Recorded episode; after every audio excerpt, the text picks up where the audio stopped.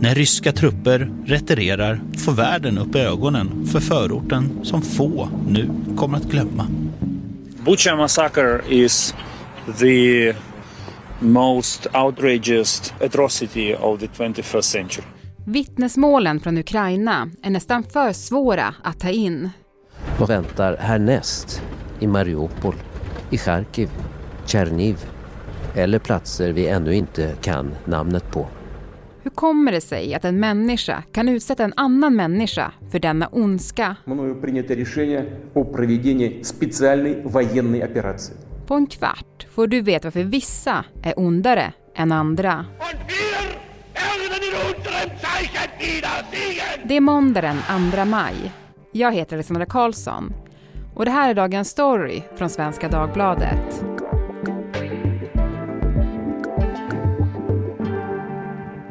Maria Jelmini, du är vetenskapsreporter här på Svenska Dagbladet och har nu skrivit om ondska.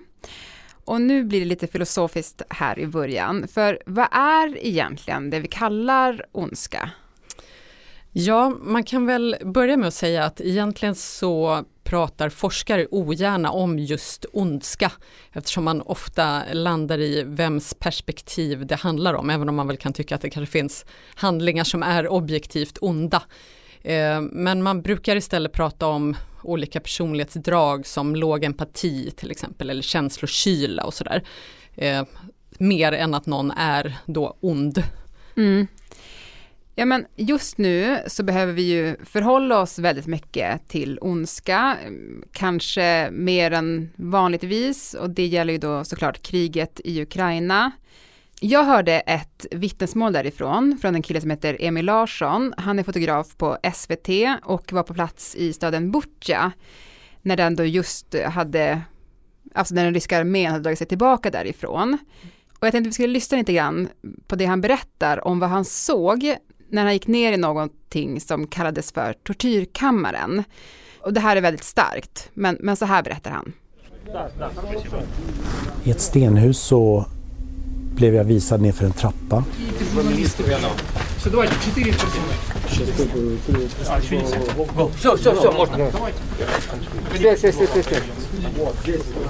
Jag visste, jag, jag hade ju fattat att det var något hemskt som väntade där nere men, men vad jag såg var så fruktansvärt så att eh, min kropp slutade fungera. Jag, jag, eh, jag filmade förstås en kanske 20-30 sekunder och jag kommer ihåg att jag tänkte att det här kommer inte kunna visas. Det, det är för hemskt. Eh, jag slog om kameran till stillbildsläge och, och, och bara liksom helt eh, maniskt började fotografera också. Och så var jag tvungen att, så, så sprang jag upp för trappan igen. Och jag gick bort till ett träd och satte mig vid och lutade mig mot det där trädet och bara liksom grät och eh, hyperventilerade. Ja, och vill man höra då hela det här vittnesmålet så finns det på SVT Play och då söker man på Java där. Och det vi hör här, Maria, det handlar ju om svårt torterade och lemlästade människor. Alltså kan vem som helst utföra sådana här fruktansvärda handlingar? När det gäller den här typen av bestialiska övergrepp, då är väl det korta svaret nej. Jag skulle säga att man kan, man kan titta på det här ur, ur två perspektiv egentligen, eller det är två olika saker som kanske bidrar här då. Den största kanske när det kommer till den här typen av, av helt avskyvärda handlingar eh, handlar om just personlighet och personlighetsdrag, det här som, som jag nämnde i början. Eh, just eh, empati eller snarare brist på empati. Känslokyla till exempel. Eh, och det man vet är att just personlighet, som mycket annat, är genetiskt till väldigt stor del. Man föds helt enkelt med eh, ja, men en tendens att utveckla en viss personlighet, kan man säga. Mm. Och det gäller då även de här mörka personlighetsdragen. Mm. Och det brukar kallas mörka triaden, har jag fått lära mig av dig faktiskt. Exakt, Nej, men man, man har gjort försök att liksom samla de här mörka dragen i olika personlighetstyper. Nu säger man väl inte direkt längre att någon är psykopat till exempel, men att man har då starka psykopatiska drag. Och den här mörka triaden som man då brukar kalla den för, det är då psykopati. Eh, dels är det då gemensamt för de här är känslokyla och eh, eh, låg grad av empati. Eh, men sen då till psykopati hör också att man är till exempel impulsiv, eh, känner inte ånger, är ofta aggressiv. Man pratar också om narcissism. Eh, då finns också de här eh, dragen i grunden där med bristande empati och så, men, men att man till exempel har väldigt höga tankar om sin egen person, det som gäller andra gäller inte för mig, man är överlägsen andra och så vidare. Och sen den tredje är machiavellism, kallar man den för, eh, har fått sitt namn från Machiavellis bok om den, den hänsynslösa och planerande fursten. Att det är just det där, liksom att man strategisk eh, planerande i sin känslokyla och sådär. Så, det, så brukar man försöka samla de här dragen. Så det är då väldigt styrt av biologi? Ja men det verkar som att både då ljusa eller mörka personlighetsdrag som man säger är att det är till stor del genetiskt. Eh, det finns till exempel studier, en, svenska forskare som har tittat på våldsbrottslingar och sett att det, det går i familjer, det finns ett samband mellan de här brotten och vilken familj man tillhör. Men det man också har sett är att det är inte enbart biologiska familjer utan även när det gäller inadopterade barn. Så att sambandet är starkare när det gäller biologiska men det finns där även för andra. Eh, och det här har också andra studier visat att miljön har en påverkan att eh, det kan vara en trigger. En sak som jag har tänkt på eh, mycket gällande kriget eh, och, sådär, det handlar ju om att man hör ibland folk säga så här att eh, i vissa situationer så skulle vem som helst kunna utföra en fruktansvärd handling. Men, men det stämmer inte då, eller? Alltså man kan säga att det stämmer. Men kanske inte när det gäller de, den här allra mest fruktansvärda typen av handlingar. Nej, för även om man vet att ondska till stor del är genetisk så har decennier av forskning även lärt oss en annan sak. Vår empati tycks vara högst flexibel. Ett av de mer kända psykologiska experimenten är Stanley Milgrams från 60-talet. SS-officeren Adolf Eichmann stod inför rätta i Nürnbergrättegångarna och Milligram ville få svar på om det räcker att få en order från en auktoritär person för att en vanlig människa skulle skada andra. I studien uppmanades deltagare att straffa en testperson med en elstöt om den svarade fel på en fråga. That is incorrect. This one will be 195 volts. The learner was hidden from the teacher by a partition. Of course, this was all a simulation, nothing was really happening. But the learner made very convincing sounds of pain as the shocks increased. This will be at 3.30.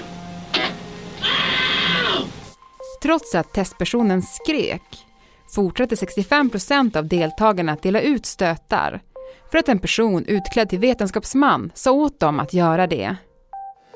This man was one of those 65 percent.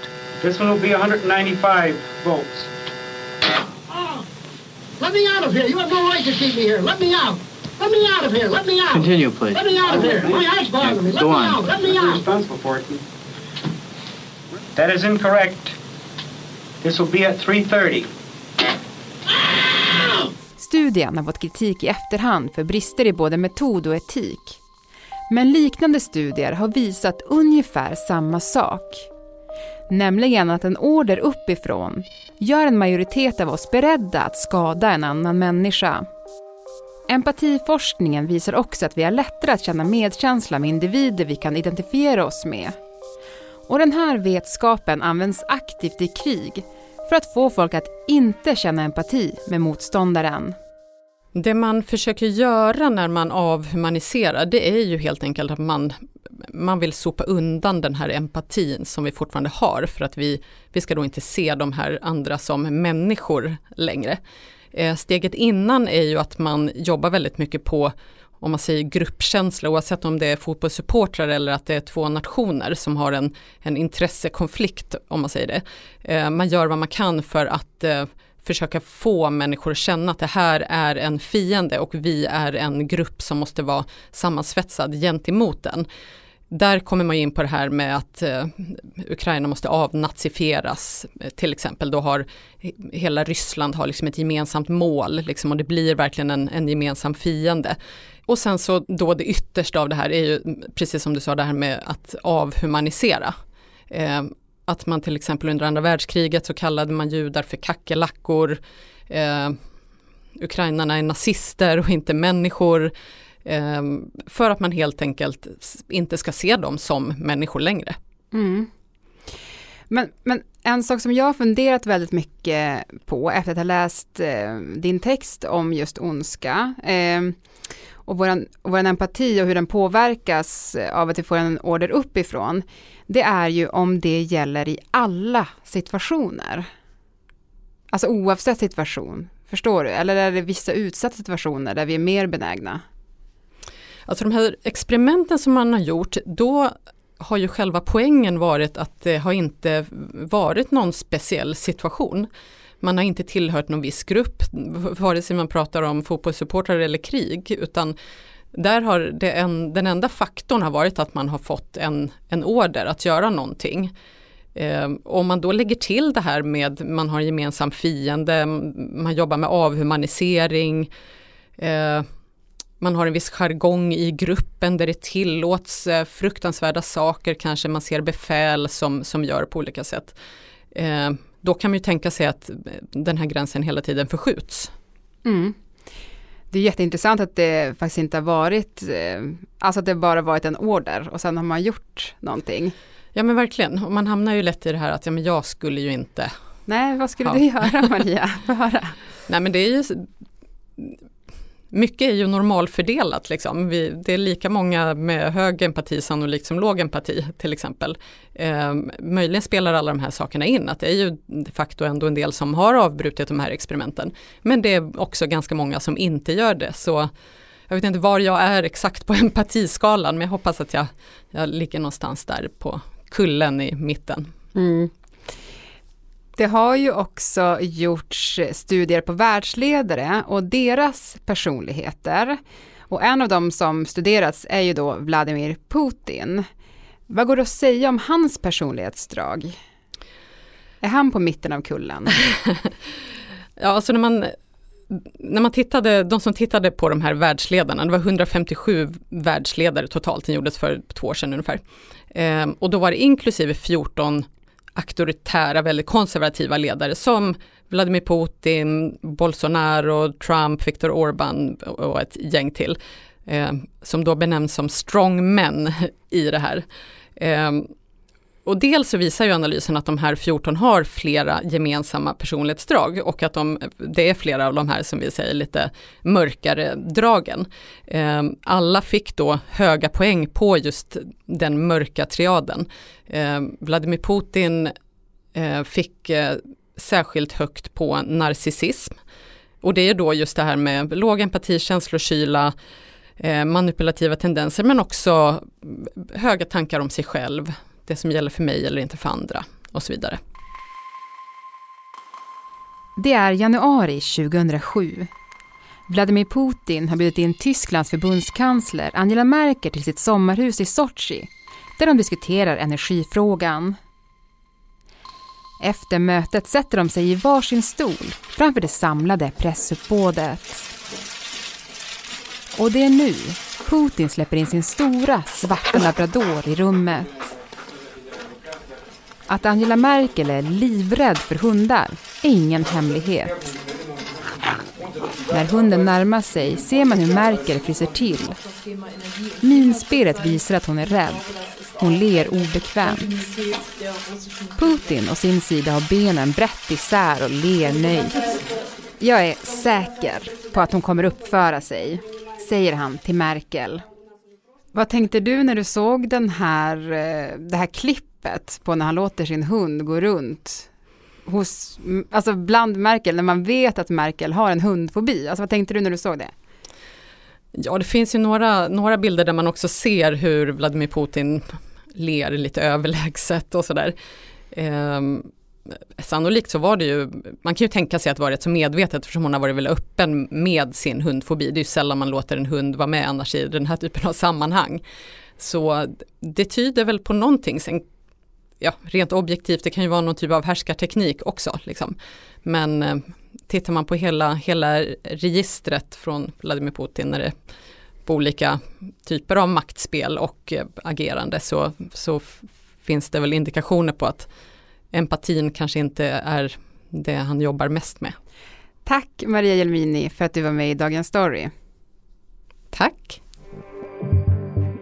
Programmet idag producerades av Elin Romeliotto. Redaktör var Teresa Stenler von Matern. Och jag heter Alexandra Karlsson. Vill du kontakta oss så mejla till dagensstory.svd.se. Klippen i programmet kom från Sveriges Radio Ekot. Du hörde SVTs utsända i Ukraina, Bengt Norborg och Emil Larsson. Och Milgram-experimentet kom från Big History Netherlands.